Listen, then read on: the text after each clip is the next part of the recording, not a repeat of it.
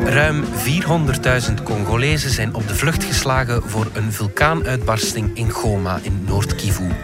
De situatie dreigt helemaal uit de hand te lopen als een nieuwe vulkaanuitbarsting een dodelijke gasbel onder het nabijgelegen Kivu-meer laat vrijkomen. Het is woensdag 2 juni. Ik ben Alexander Lippenveld en dit is vandaag de dagelijkse podcast van de Standaard.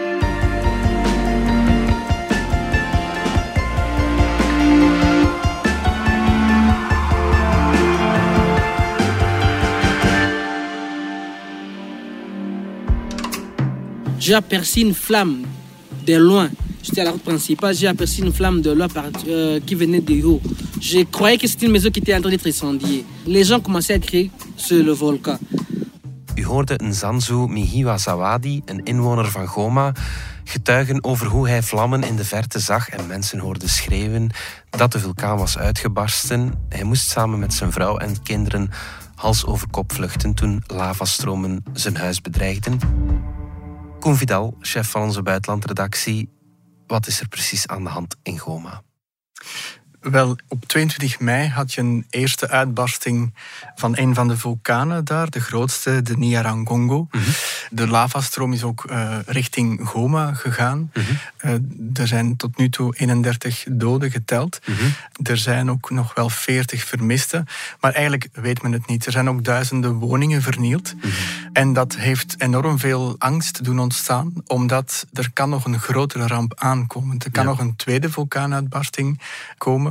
Maar er bestaat ook een kans dat door die aardbeving, door de vulkaanuitbarsting, dat de enorme gasbel onder het Kivumeer, waarin methaan zit, ja. dat dat gas vrijkomt en dan riskeer je een nog veel grotere ramp, uh, want dan gaan heel veel mensen stikken. Ja, heel veel. Hoeveel zouden dat er kunnen zijn? Wel, de menselijke inzet, als ik het zo mag noemen, is uh, Goma is ongeveer 1 miljoen inwoners. Mm. De stad aan de andere kant van het Kivu-meer, Bukavu, is 800.000 inwoners. Dus uh, als het daar echt fout loopt, dan is dat eigenlijk een gigantische ramp die dreigt. Mhm. Nu, de vraag is, uh, hoeveel gas zal er ontsnappen en mhm. hoe breed en lang zullen die breuken dan zijn op de bodem van het Kivu-meer. Dus ja, er zijn enorm veel parameters die dan nog wel spelen. Mhm. Maar de mogelijke menselijke schade die dat zal aanrichten is gigantisch. En je hebt al ooit al eens wel zo'n ramp gehad. Weliswaar gelukkig op kleinere schaal, maar toch, dat was in Cameroen. Mhm. Het Niosmeer, Lake Nios, in 1986. Mm uh, daar waren geen grote steden, maar wel vele dorpjes. En dat heeft toch al snel 1750 mensenlevens gekost. Okay, ja. Plus dan nog de, de enorme economische schade, want daar is bijvoorbeeld ook, die mensen waren afhankelijk van vee, dus heel veel um, economische schade. Heel moeilijk om opnieuw terug op te starten met zoveel slachtoffers en met zoveel ja, verliezen. En dat is al een enorm aantal natuurlijk. Mhm. Maar als je dat zo'n ramp naar het Kivu-meer verplaatst, dan, dan zit je direct met veel meer um, mogelijke slachtoffers vulkaanactiviteit, dat wordt normaal heel hard opgevolgd en gemonitord. Hadden vulkanologen dit dan niet zien aankomen? Nee, helemaal niet. Mhm. Uh, Nochtans staan er op de vulkanen meetapparatuur. Die zou moeten werken, dat moet allemaal nog onderzocht worden. Maar volgens mijn informatie stond die er wel degelijk. Mhm. Maar ja, de uitbarsting is totaal onverwacht gekomen. Wat het natuurlijk nog dramatischer maakt, want dat betekent dat voor de komende dagen zorgt dat voor een totaal onheilspellende situatie. Want dat betekent nog dat er, dat er op elk moment opnieuw uitbarstingen kunnen komen. Ja. Dat nog meer mensen getroffen zullen worden. Uh, dit is een totaal onvoorspelbare situatie. Ja. Hoe, hoe, actief is die vulkaan op dit moment nog dan? Wel, dat is een van de meest actieve vulkanen ter wereld. Dus nu sinds 22 mei zijn er geen uitbarstingen meer geweest, maar doorheen de tijden, en ja, de interval is ook weer niet zo lang, dus 2002 was de laatste grote uitbarsting met 250 slachtoffers. Mhm. dus, dus ja, de frequentie is relatief hoog in vulkaantermen uitgedrukt. Maar nu, wat onheilspellend is, dat de aardbevingen, het aantal aardbevingen en naschokken, dat blijft ook wel doorgaan. Mhm. Dus sinds de uitbarsting zijn er meer dan 200 geweest. Dus de aarde trilt daar okay, voortdurend. Ja, voortdurend. Wat ook geen goed signaal is, want het afnemen van die naschokken zou kunnen wijzen op ja, dat er geen tweede uitbarsting komt. Maar dat blijft wel aanhouden. Mhm. Een ander uh, akelig fenomeen is dat de elektriciteit niet werkt. Wat betekent dat een groot deel van de stad... Uh, ja, het is pikdonker nu. Dus mm voor die mensen zorgt dat voor een enorm angstaanjagende situatie natuurlijk. En ja, eigenlijk kunnen ze ook geen kant uit. Mhm, mhm. En kunnen ze het daar weten als het grootste gevaar geweken zou zijn? En hoe? Wel, er zijn nu uh, vulkanologen op weg om ja, die ploegen daar uh, extra te versterken en toch eens te kijken of uh, ja, bepaalde meetapparatuur of men dat toch niet kan meten. Nu, het blijft onzeker. Hè? Men zegt het einde van een uitbarsting is nog veel moeilijker te voorspellen dan het begin. Maar het begin was uh, totaal onverwacht. Um, en men hoopt maar dat er verder niks zal gebeuren. Maar het is onvoorspelbaar en dus niet enkel het gevaar van die uitbarsting, maar dus het gevaar van die methaangas. Mhm. Dat maakt eigenlijk dat het is eigenlijk een plek waar eigenlijk niemand zou, eh, best niemand woont, mhm. maar het is een plek waar twee Afrikaanse grootsteden liggen. Ja, ja, ja. Je bent al in de regio geweest, Koen. Beschrijf eens, wat, hoe, wat moeten we ons voorstellen bij Noord-Kivu en, en Goma en die steden? Ja, wel, misschien beginnen met de stad Goma. Mhm.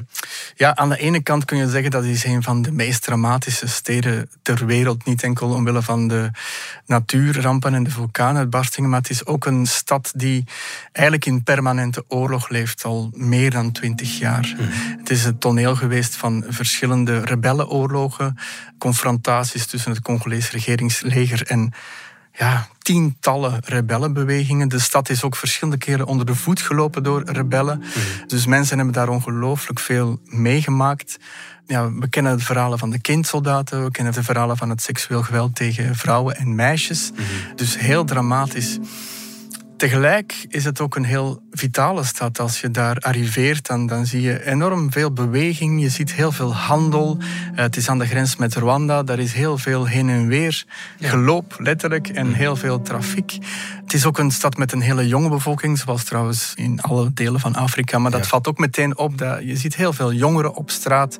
Er is daar ook een hele culturele scene. Er is daar een filmfestival dat zich ondanks al die drama's staande houdt. En men blijft dat organiseren. Ja. De natuur rondom Goma is ook prachtig. Het is uh, het Virunga Nationaal Park. Uh, niet enkel met de gorillas, maar fantastische landschappen. Uh, heel belangrijk qua biodiversiteit. Hmm. Dus ook een enorme troef eigenlijk voor de toekomst. En mocht het daar ooit veilig worden, het zou gewoon een van de prachtigste plekken zijn om als toerist en reiziger te toeven. Het is daar echt prachtig. Dus alles tegelijk eigenlijk. Ja, ja, ja oké. Maar kan het er ooit veilig worden? Dat is, een, goede, dat is goede vraag. Ehm, wel, ja, ten eerste, je hebt, je, hebt, je hebt alle menselijke problemen en oorlog. Dat is al heel moeilijk. Het is een heel complex conflict geworden. Ja. En ja, natuurlijk, die natuurrampen, daar kun je eigenlijk niets aan doen. Je kan geen vulkaanuitbarsting tegenhouden. Je kan ze alleen maar proberen te zien aankomen en de schade te beperken. We zijn terug na de reclame. Je overweegt een elektrische of hybride wagen? Luister dan naar Plan Elektrisch Rijden. Een podcast waarin actrice en Joe DJ Elke van Mello... Ik ben weg. ...op onderzoek gaat. We horen helemaal niks. Experts van Hedin Automotive, de grootste dealergroep van Mercedes-Benz in België, geven antwoorden op jouw maat. Strikt genomen geef je geen gas, maar stroom. Maar zeg maar gas geven. Luister naar Plan Elektrisch Rijden. Oké, helder. Merci. Koen Vidal, chef van onze buitenlandredactie. Nu zijn meer dan 400.000 mensen gevlucht uit mhm. de stad Goma. Waar zijn zij naartoe? Wel, ze zijn moeten vluchten. Dus de, de, de overheid heeft gezegd uh, tegen 400.000 mensen, 10 wijken in Goma, jullie moeten nu vertrekken, want er komt een uh, tweede uitbarsting. Mhm. Of de kans is groot. Die mensen zijn moeten vertrekken naar Sake. Dat, uh, men noemt dat een stadje, maar eigenlijk is dat een, een dorpje. 30 mhm. kilometer verder, ook langs de oever van het uh, Kivumeer trouwens. Mm dus 400.000 mensen. In een dorpje? In een dorpje waar ook niets is en niets georganiseerd uh, werd.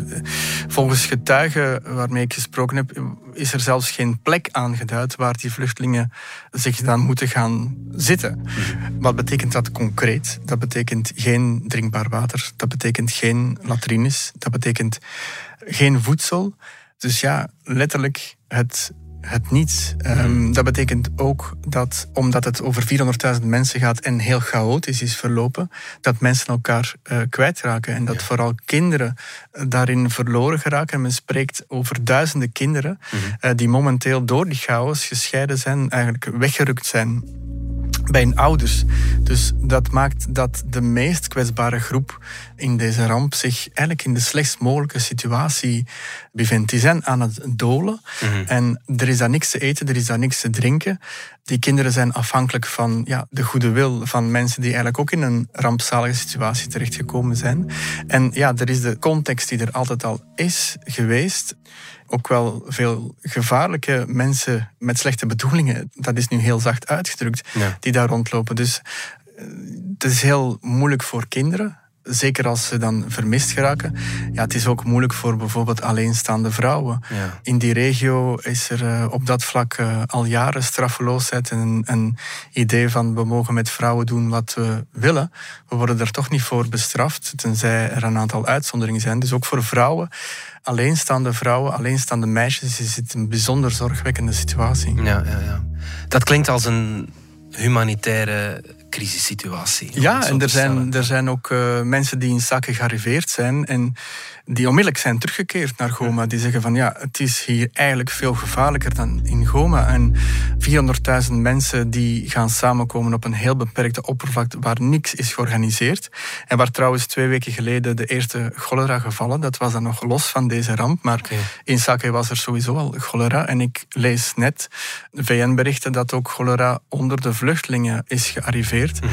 Ehm, en dat is... Ehm, ja, bijzonder gevaarlijk. Dat is de grootste vrees ook van de humanitaire. Dus de VN en UNICEF zijn daar momenteel zo snel mogelijk uh, latrines en zo aan het aanleggen om toch te vermijden dat die hygiënische omstandigheden zo slecht worden dat je een echte cholera-uitbreek krijgt. Maar ja, het is blijkbaar al vertrokken, uh, die cholera-uitbreek. Dus dat, dat is ook heel zorgwekkend en dat dreigt misschien nog meer slachtoffers te maken dan een tweede vulkaanuitbarsting. Ja, oké. En daarnaast ligt Sake ook aan dat Kivu-meer, waar die gasbel mogelijk wel vrijkomt.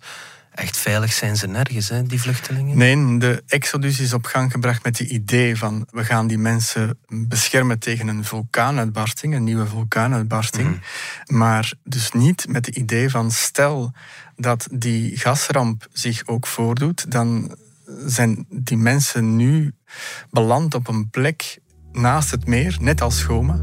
Dus als dat zich voordoet, dan is de kans ook reëel dat zij op die plek getroffen worden door die gasramp.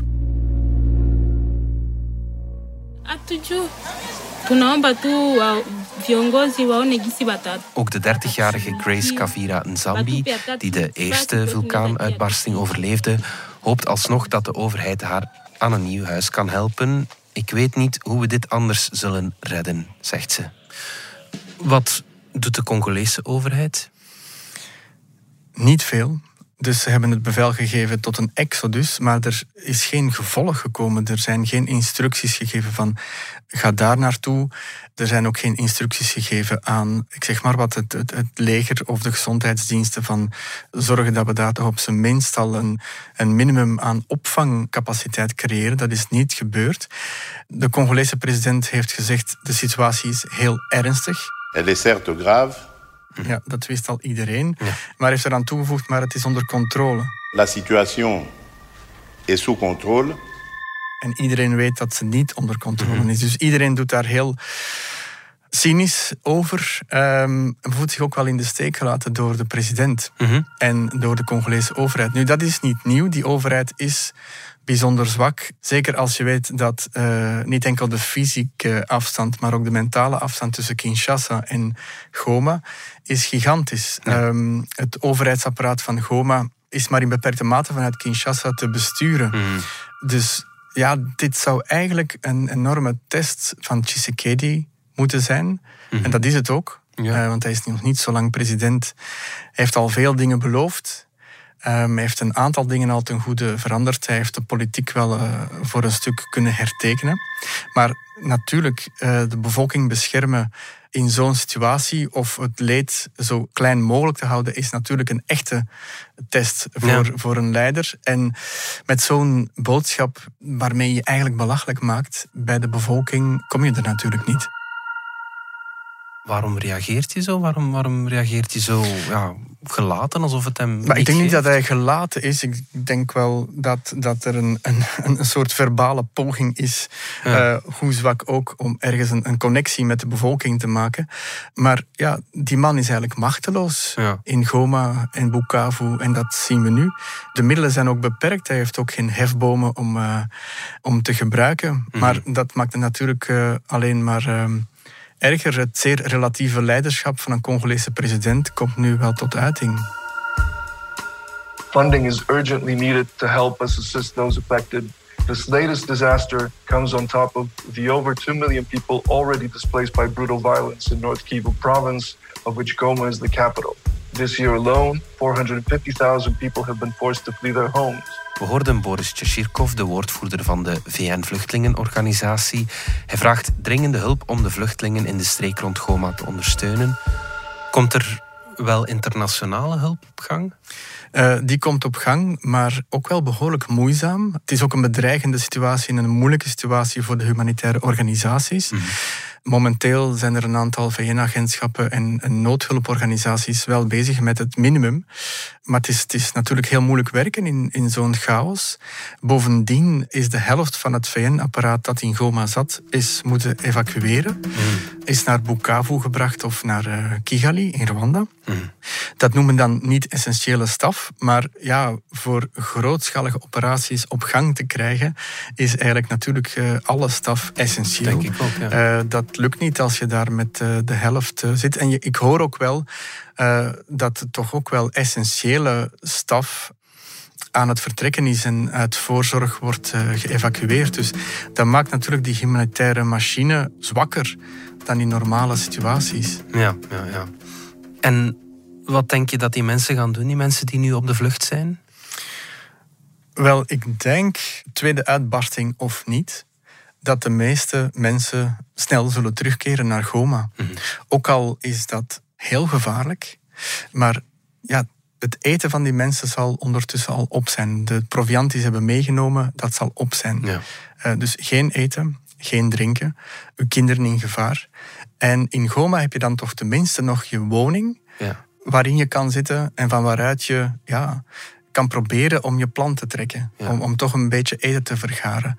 Ook al kan er elk moment een vulkaanuitbarsting komen. Dat lijkt me nog altijd minder gevaarlijk, hoe raar dat ook klinkt, dan met 400.000 mensen in een totaal ongeorganiseerd kamp te zitten waar de cholera aan het uitbreken is. Mhm. Want dat op zich is eigenlijk een zekere uitbarsting. Mhm. Dus als je dat hoort, dan keer je heel snel terug. Het is 30 kilometer stappen.